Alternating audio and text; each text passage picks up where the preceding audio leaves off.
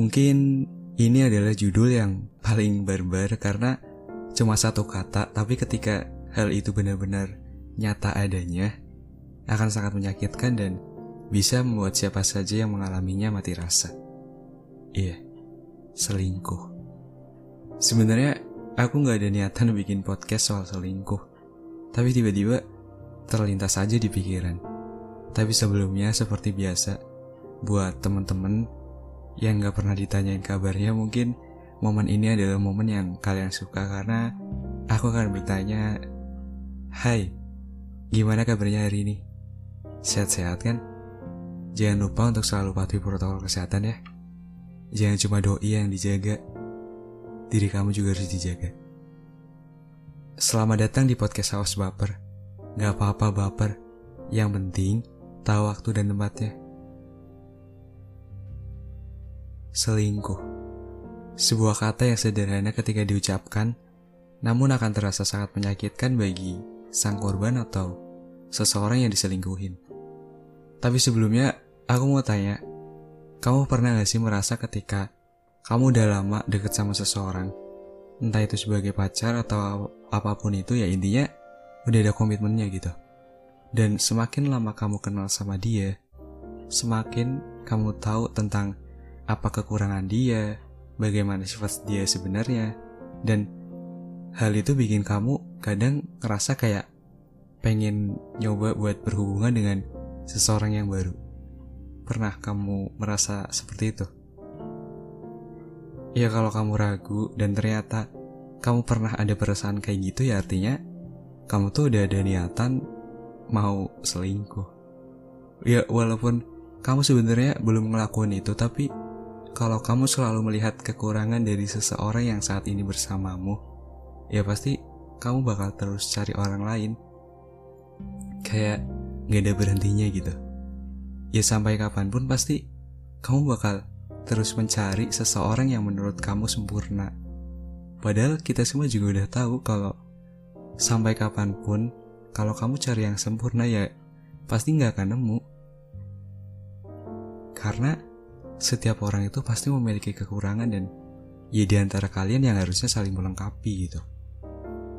Dan selingkuh itu mungkin juga bisa terjadi karena kamu mulai merasa kalau kamu itu udah gak bisa bahagia kalau lagi sama dia. Sampai pada akhirnya, kamu memilih untuk menjalani sebuah hubungan bersama orang lain. Kamu udah tahu kalau hal itu salah, tapi kamu tetap ngelakuin itu gitu. Dan anehnya lagi ketika pasangan kamu udah tahu kamu selingkuh tapi dia masih aja terima kamu. Kamunya yang keterlaluan, atau dianya yang terlanjur nyaman sampai rela dipermainkan. Atau mungkin karena dia juga merasa kalau dia banyak kurangnya sampai ketika kamu melakukan ini semua, dia berusaha untuk memakluminya. Kalau emang bener ada yang kayak gini sih, bener-bener keterlaluan.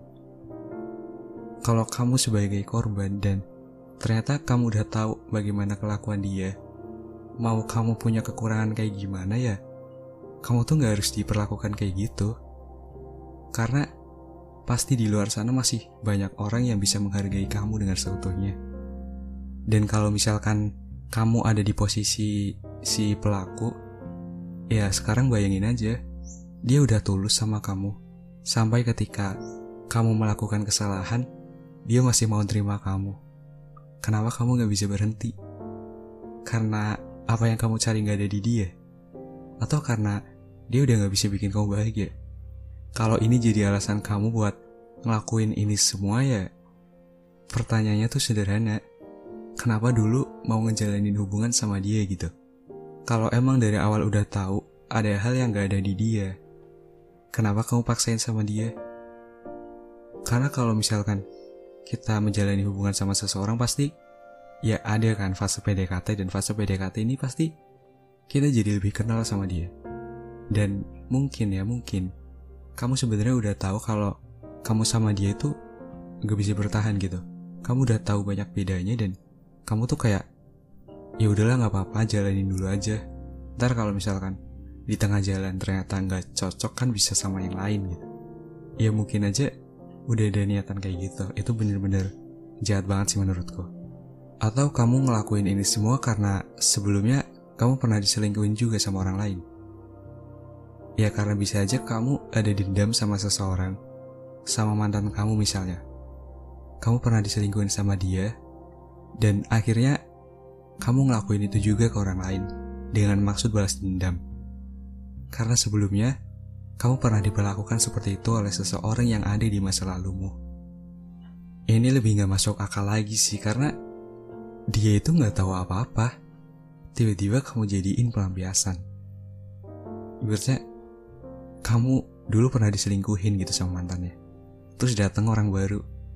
Terus kamu ada niatan kayak, dulu aku pernah diselingkuhin.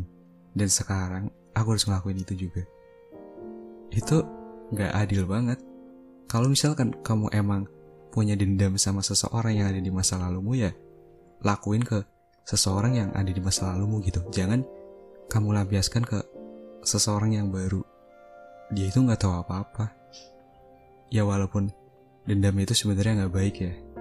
Perbuatan ini kayak selingkuh atau mengkhianati pasangannya sendiri. Itu nggak wajar sih menurutku. Tapi aku pernah baca di komenan Instagram waktu itu, dia bilang gimana ya? Bentar.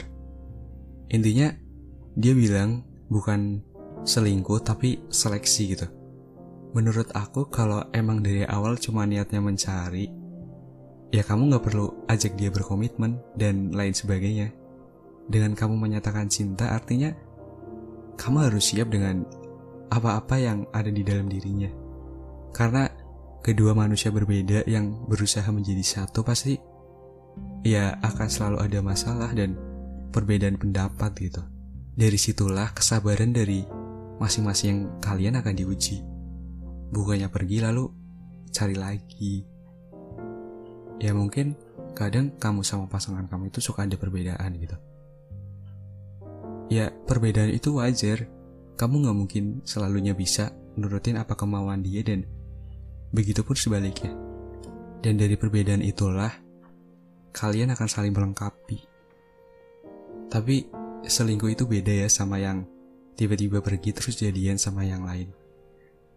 Ya walaupun mungkin ya, mungkin waktu itu udah menjalin hubungan terus akhirnya diputusin dan jadian sama selingkuhannya, ya kita nggak tahu.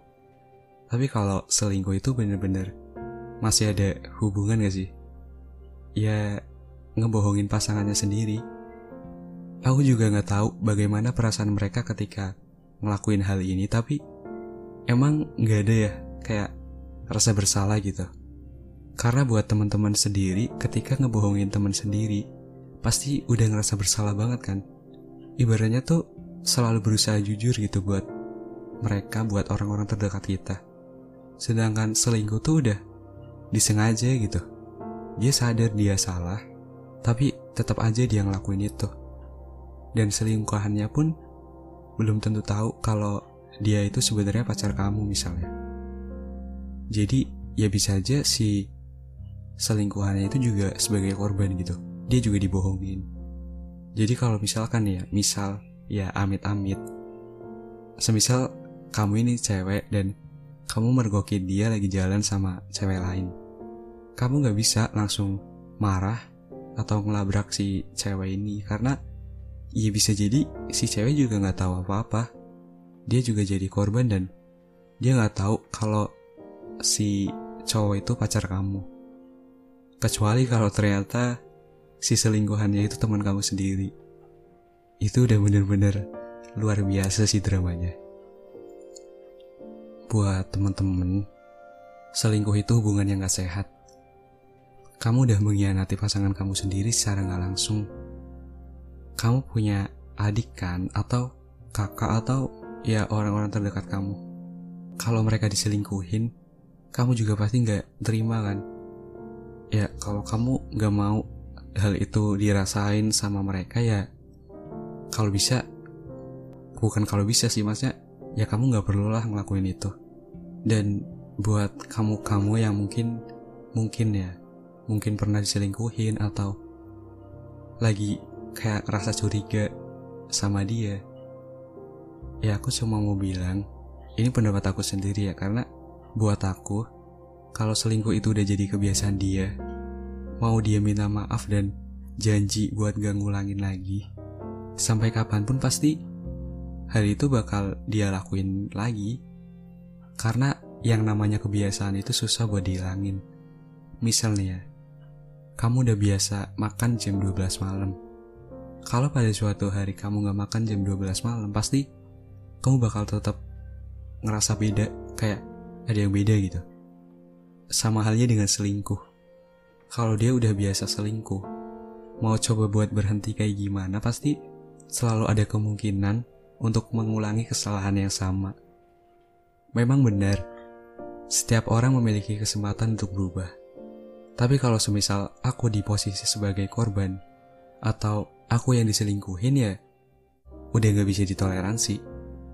Ibaratnya, mau dia bilang berubah kayak gimana, Aku juga tetap gak tahu kan yang sebenarnya. Aku tetap gak tahu di belakang aku dia kayak gimana. Aku tetap gak tahu ketika aku lagi gak sama dia, dia ngapain aja aku gak tahu. Karena rasa percayaku ke dia sudah terlanjur pudar.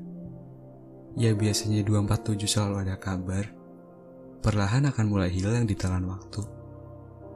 Sebuah gelas yang pecah tidak akan bisa menyatu dengan sendirinya apalagi hati yang patah. Patah dikecewakan oleh seseorang yang katanya aku adalah satu-satunya. Berat. Emang berat banget ya. Ya buat teman-teman semua ya. Jangan apa ya? Ya jangan sampai ada hal kayak gini ya. Ya semoga kita semua dijauhkan oleh orang-orang yang suka ngelakuin ini gitu. Dan buat kamu yang mungkin sering lakuin ini atau udah jadi kebiasaan buat kamu, tolong berhenti ya. Mau berapa banyak hati lagi yang bakal kamu sakitin? Kalau kamu bilangnya ini proses kamu mencari seseorang ya, kenapa sih harus kayak gini gitu? Kamu udah kasih harapan ke seseorang, terus kamu kasih harapan lagi ke orang lain, begitupun seterusnya kalau emang niat kamu mencari, ya kamu gak perlulah kayak kasih harapan atau menyatakan cinta ke dia. Ya intinya kalau kamu udah punya seseorang yang saat ini bersamamu ya, hargai dia selagi ada. Biar nantinya kamu gak menyesal di kemudian hari. Ya udah, mungkin sekian dulu episode malam ini agak berat ya pembahasan malam ini. Terima kasih ya sudah berkenan dengar. Kalau teman-teman pengen cerita atau apa pun itu, DM aja ke Instagram podcast sudah tawas baper atau ke Instagram ridoj14. Ya udah.